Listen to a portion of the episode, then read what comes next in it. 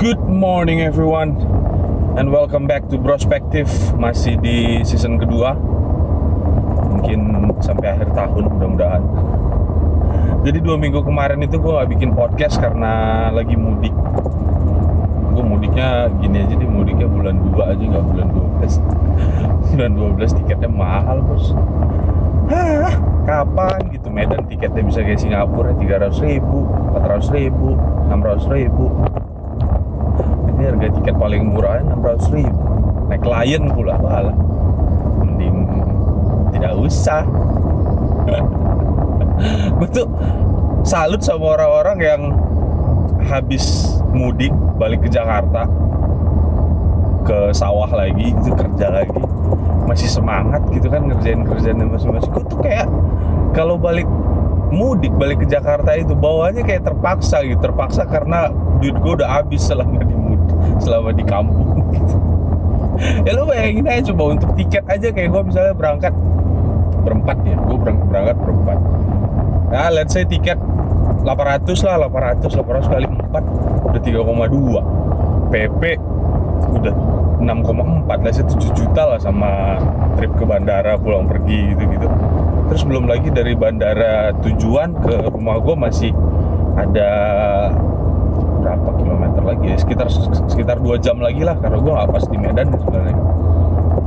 Sekitar dua jam lagi transport lagi biaya makan lagi. Aduh gue tuh untuk ongkos pulangnya aja bisa habis 8 juta 9 juta. Kalau lagi mudik begini. Tapi ya begitulah. Namanya punya orang tua kan harus dikunjungi sering-sering.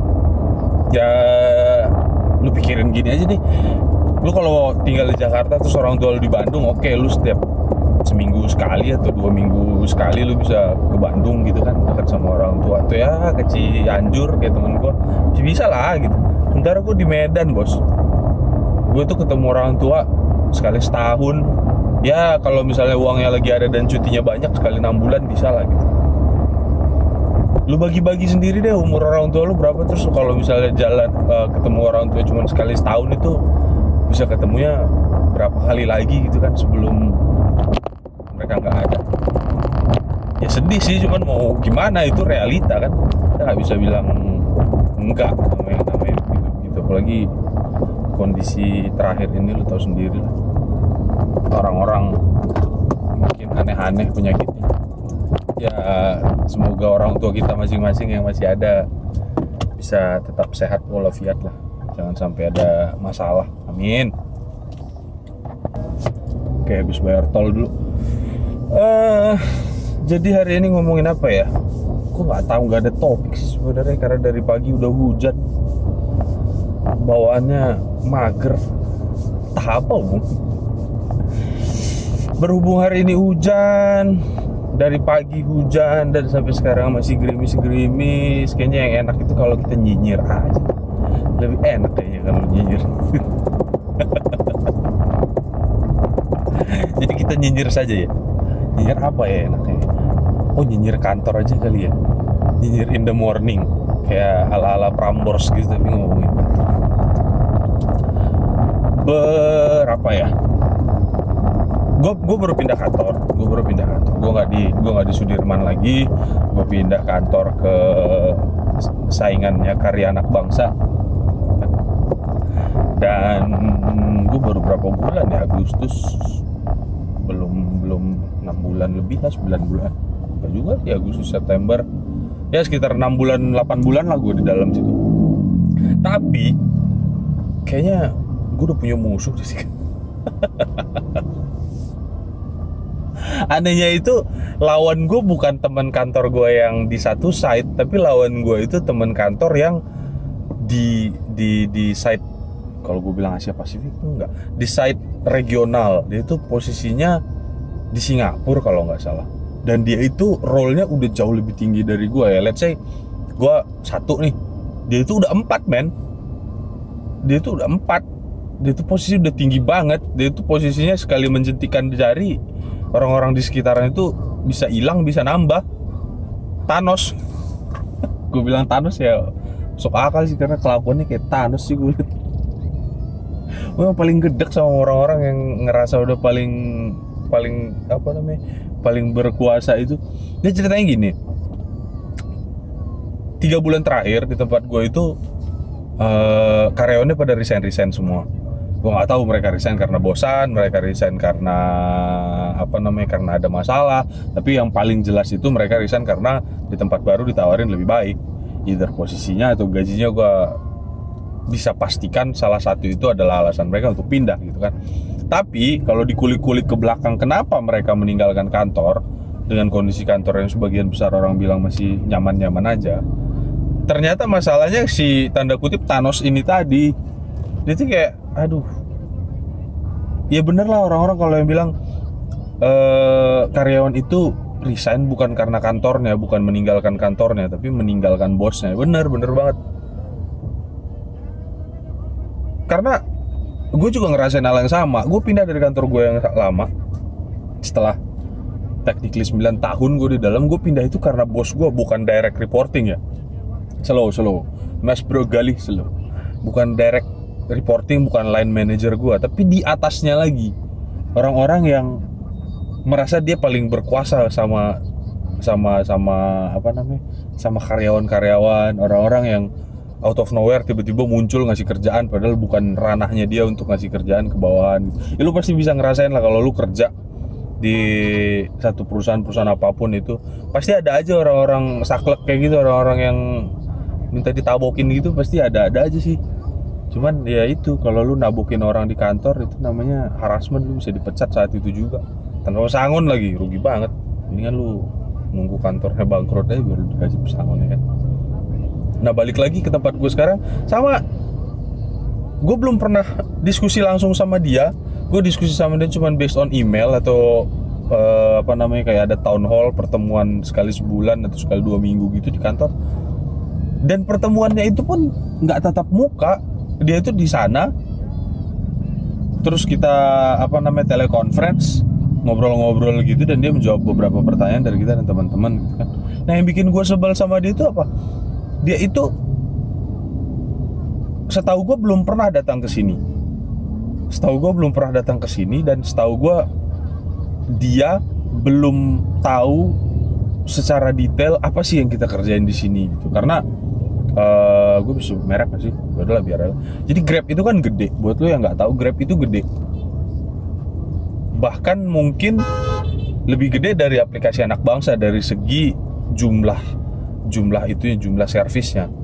Kayaknya sih ya gue nggak ngomong gue nggak gue mau banding bandingkan kantor gue sama kantor lain tapi gue cuma bilang Grab itu gede. Dia itu ada beberapa divisi kayak Grab Transport Grab eh, roda 2 roda 4 Grab eh, rental. Gue nggak mau bahas Grab rental tapi lu carilah Grab rental itu apa. Grab rental Grab food Grab kitchen Grab kios. Grab kios itu kayak eh, apa namanya payment gateway jadi bisa membayar semuanya. Lu bisa transaksi apa pun bisa kirim uang bisa beli pulsa bayar ini bayar itu bayar tagihan pokoknya semua lah. Lu bisa install aplikasi Grab kios jadi eh, di Indonesia di Indonesia selain selain selain bisnis yang bisnis yang apa namanya bisnis yang diketahui banyak orang kayak Grab Food, Grab Kitchen, Grab Transport, Grab eh, Express kayak gitu-gitu. Indonesia itu didapuk sebagai R&D center. Jadi pusat riset dan pengembangan itu salah satunya ada di Indonesia. Dan gua kerja di situ. Gua kerja di R&D center di Indonesia. Karena sekarang R&D centernya Grab itu ada tiga atau empat gue lupa. Satu di Singapura, satu Indonesia, satu di Seattle, di India entah entah dia R&D atau hanya hub gue nggak tahu. Tapi yang jelas ada yang gue tahu itu ada tiga Indonesia Singapura dan Seattle. Gue nggak tahu ya Seattle ya. Seattle itu ngurusin map. Jadi mapnya Grab itu mereka yang ngurusin. Jadi kita nggak nggak 100% comot dari Google.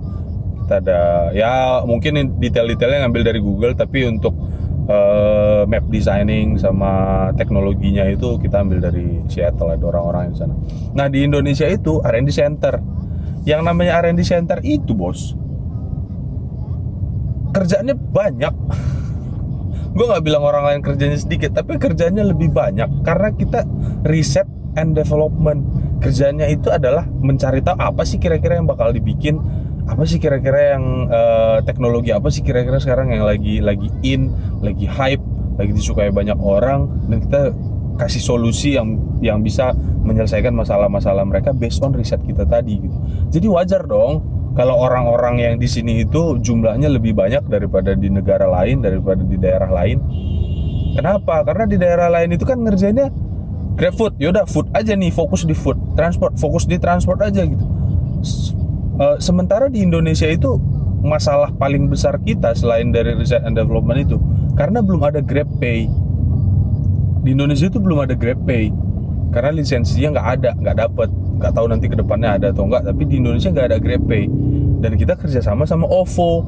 OVO itu third party, walaupun sahamnya Grab di OVO itu cukup banyak. Setelah Lipo kemarin ngelepasin sahamnya mereka itu saham mayoritas mereka sahamnya Grab di di OVO itu cukup banyak. Cuman orang-orangnya kan beda. Kultur kerjanya kan beda. Kenapa? Karena itu satu perusahaan yang berbeda bukan perusahaannya Grab. Entitasnya bukan entitasnya Grab manajemennya bukan manajemennya Grab. Jadi cara mereka bekerja konsep mereka, cara berpikirnya mereka itu berbeda dan kita nggak bisa paksain kulturnya Grab ke mereka ya karena itu tadi mereka itu bukan perusahaannya Grab. Terlepas dari situ, itu salah satu hal yang bikin kerjaan kita di Indonesia itu banyak. Nah, masalahnya yang muncul adalah gua di posisi gua sekarang di squad gue sekarang ngerjain itu sendirian gue butuh tandem gue butuh tandem butuh orang untuk bantuin gue supaya kerjaan gue nggak keteteran kalau gue lagi cuti. Makanya gue nyinyir kayak gini gue gue makin sebel sama dia tuh gara-gara ini gara-gara kasihan teman-teman gue satu squad itu kerjanya keteteran karena gue nggak ada gitu kan. Nggak ada yang bisa backup gue kasih ke orang lain pun mereka nggak ngerti gimana caranya. Paling cuman di ujung-ujungnya mereka nanya-nanya gue juga gitu. Nah pas gue minta itu ditolak men. Dia bilang alasannya itu nggak masuk akal. Dia bilang kayak gini jumlah personil di Indonesia dibandingkan dengan jumlah personil di Singapura itu jauh lebih banyak di Indonesia. Kita harus efisiensi. Ya bukan masalah efisiensi juga. Efisiensi itu bukan berarti satu orang ngerjain satu hal enggak. Terus backupnya siapa? Kalau misalnya ada masalah siapa yang ngurusin? Gimana? Efisiensi gimana? Yang ada ujung-ujungnya production nggak itu kan? Yang ujung-ujungnya uh, apa namanya? Hmm, dia nggak produktif kalau satu orang cuti masa lu maksain satu orang itu nggak cuti-cuti selama-lamanya? Masa lu maksain satu orang itu terus ngerjain hal yang itu itu aja sementara dia nggak bisa istirahat atau dia nggak bisa belajar hal yang lain? Jadi alasan itu nggak masuk akal. Di sana lebih banyak di sini di, di sini di sini lebih banyak dibandingkan di sana. Ya ini R&D center bos. Pusat research and development. Kalau orangnya kita uh, apa namanya kalau orangnya kita apa sih istilahnya berlebih-lebih ya memang itu hakikatnya R&D center. Lu nggak bisa berharap R&D center itu orangnya dibatasin gitu aja. Karena kerjanya kita itu adalah meriset dan riset itu nggak seperti mengerjakan kerjaan yang udah ada. Lu nggak bisa berharap orang yang kerja di apa namanya di pabrik pupuk eh bukan pabrik pupuk orang yang kerja di lab kimia untuk ngolah pupuk lebih sedikit daripada orang yang kerja di jualan pupuk walaupun sama-sama eh nggak bisa dimasukin gitu tapi yang jelas lu nggak bisa maksain lah. Lu nggak bisa maksain orang yang kerja di R&D center itu lebih sedikit atau sama dengan orang yang kerja di pusat eh, apa namanya yang ngerjain bisnis as usual gitu ya. Nggak bisa. Nah terus pas gua kejar lagi nih setelah gua resign gua bilang gua kasih tunjuk uh, gue tunjukin uh, apa namanya argumen yang lebih lebih lebih mendasar sama dia. Lihat nih kerjaan gue nggak selesai karena gue gak punya tandem AIU EO segala macam gitu. Terus dia bilang gitu nanti kita cari intern. Coy! Intern itu cuma tiga bulan. Setelah dia cabut gimana? Gue lagi gue lagi. Iya kalau kalau kalau memang selama tiga bulan ke depan gue nggak ada cuti udah ngapain ada? Tandem gue aja ngerjain sendiri. Mau capek mau gimana? Kayak yang penting apa yang gue sanggup gue kerjain. Kalau nggak sanggup ya gue tinggalin gitu kan. Nah, terus apa gunanya kalau cuma ngasih intern dong nggak masuk akal gitu. Aduh gue emang makanya gue sebel banget nih sama si Thanos nih siapa gitu tinggal nunggu Thor aja kayaknya buat nemplokin itu apa namanya Stormbreaker ke dadanya dia kelar. Emosi gue sama bos-bos kayak gitu. Gue benci sama orang-orang kayak gitu. Kenapa? Karena orang-orang kayak gitu biasanya nggak datang dari teknikal. Dia itu kuliah di, di, di jurusan bisnis yang ngerti itu cuma urusan productivity sama urusan efisiensi efektivitas segala macam kayak gitu. Tapi dia nggak mau belajar tentang teknikal. Ya gue nggak berharap dia mengerti teknikal banget. Karena dia bukan orang teknis dia orang bisnis. Dia ngurusin duit dan profit. Pokoknya urusan dia adalah profit profit profit. Tapi tetap aja lu paling nggak belajar kayak sedikit apa sih yang dikerjakan sama orang teknik? Bukan bagaimana orang teknik mengerjakannya ya tapi apa sih yang dikerjakan sama orang teknikal itu Kenapa sih mereka butuh orang banyak? Kenapa sih mereka butuh waktu yang begini-begini? Lu pelajarin itu karena lu mau bikin apa namanya? Mau bikin rundown, mau bikin chart atau mau bikin presentasi ke orang yang di atasnya lu yang orang-orang board of director itu, ya lu nggak bisa asal main lempar apa namanya lempar lempar slide presentasi aja tanpa nggak tanpa ada data yang jelas gitu kan makanya gue gue minta deh sama bos-bos kalau kalau lu pendengar gue pendengar podcast ini dan kebetulan lu bos gitu kan kalau orang bisnis lu pelajari sedikit lah tentang teknikal. Kalau orang teknikal lu pelajari sedikit tentang bisnis. Paling nggak ketika ada argumen dengan orang-orang yang apa namanya yang di luar dari bidang kalian lu ada ada pegangan gitu nggak asal jeplak aja dan akhirnya lu dianggap orang yang nggak kompeten. Jangan lu beli buku tipu-tipunya yang bilang how to be how how to look smart at the meetings. Lu jangan beli yang begitu-begituan itu buku sakunya kaum orang-orang sana. Lu tau lah yang gue maksud. Itu buku sakunya mereka. Mereka bisa kelihatan pintar di meeting padahal sebenarnya nol besar. Kalau lu pernah kerja sama mereka lu mungkin ya tau lah sedikit sedikit banyak tentang bagaimana pusingnya berurusan sama mereka itu ya mau gimana lagi? Upah mereka murah dibandingin sama orang Indonesia yang selevel dengan mereka. Ya mereka lah diangkat. Saudara naik kenapa? Ah udahlah nanti dibahas jadi itu lagi. Panjang lebar lagi. Wah mau. Pokoknya itu aja deh. Terus apa lagi? Emosi gue sama orang-orang. Yang oke kalau jadi bos itu aduh pikirin baik-baik lah. Jangan jangan jangan aneh-aneh. Jadi bos itu bukan sesuatu yang gampang. Lu ngurusin orang itu lebih sulit daripada lu ngurusin ngurusin mesin. Makanya di kantor gue itu ketika lu naik level ke posisi yang lebih tinggi lagi dikasih dua pilihan. Lu mau jadi individual kontributor atau lu mau jadi people people manager. Kalau lu mau jadi individual kontributor aja lu nggak nggak perlu berurusan sama hal-hal yang kayak gitu. Nggak perlu berurusan sama hal-hal apa namanya yang ngurusin orang gimana bagi-bagi resource nggak nggak peduli berurusan gak peduli dengan hal itu lu fokus sama kerjaan lu sendiri. Ya namanya individual kontributor kalau lu orang teknik ya orang teknik gitu. Ketika lu jadi people manager lu nggak boleh main asal-asal kayak gitu. Lu harus tahu kekuatan dan kelemahan orang itu ada di mana. Lu harus ngelihat kalau ini uh, ini resign tiba-tiba siapa yang mau gantiin. Kalau ini cuti tiba-tiba siapa yang mau backup. Jangan kalau kata bokap gua jangan di situ mau boker di situ bikin WC aduh aduh saya aku kalau nyinyir tuh hebat gue nyinyir. Nah begitulah. Nyinyir juga harus agak hati-hati biar nggak kena apa kena somasi aja gue dari kantor kelar gue nggak bisa ngapa-ngapain. Mampus gue nggak bisa kerja lagi. Ah, masih macet bos. Hujan sudah berhenti tapi masih macet. Terus kita mau nyinyir apa lagi nih? Hmm hmm, hmm, hmm nyinyir apa ya? Masa nyinyir pemerintah itu udahlah biarin mereka aja lah yang nyinyir nyinyir gue mau pusing. Kalau nyinyir kayak gitu gimana ya? Sensitif. Apalagi gue udah bilang gue kerja di mana nanti kejar-kejar lagi lah. Gue males sih nyinyirin pemerintah sekarang. Paling nyinyir tipis-tipis aja lah biar nggak kena somasi ya kan? Jadi apa ya oh gue mau mau itu sebenarnya mau nanya tapi gue nggak tahu. Pendengar gue peduli nggak ya dengan hal-hal seperti ini? KPAI itu yang milik siapa sih kapet? Emosi gue sama KPAI Oke gue bilang KPAI itu yang milik siapa sih? Yang gue tabokin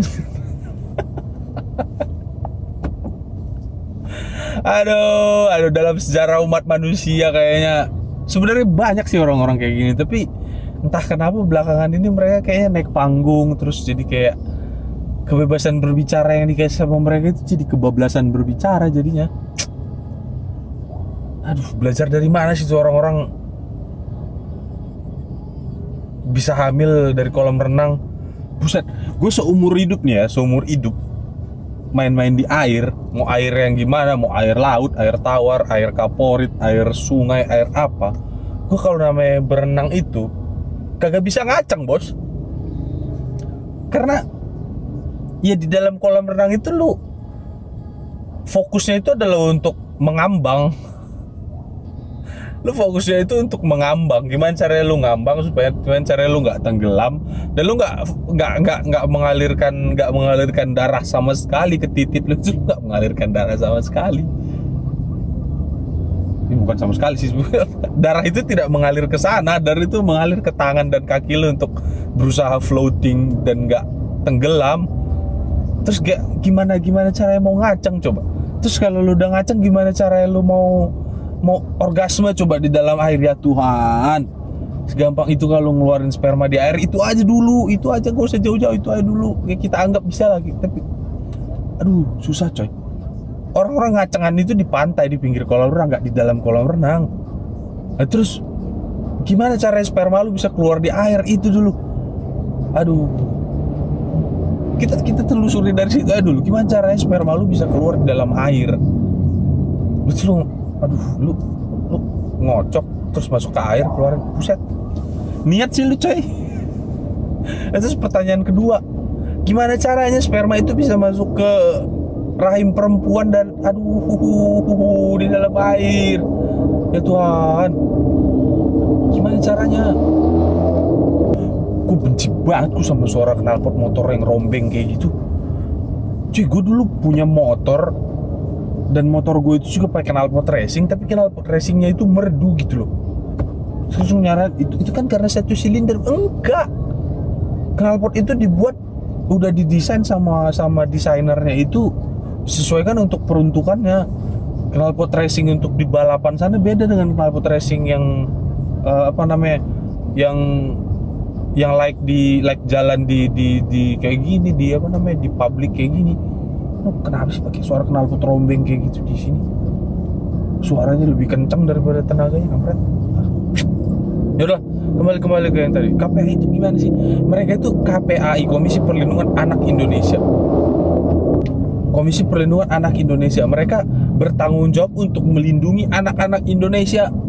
Bukan cuma dari kekerasan kekerasan bukan cuma dari uh, bully bukan cuma dari apa namanya bukan cuma dari narkoba tapi juga melindungi anak-anak Indonesia dari hal-hal bodoh kayak yang diucapkan sama mereka. Itu.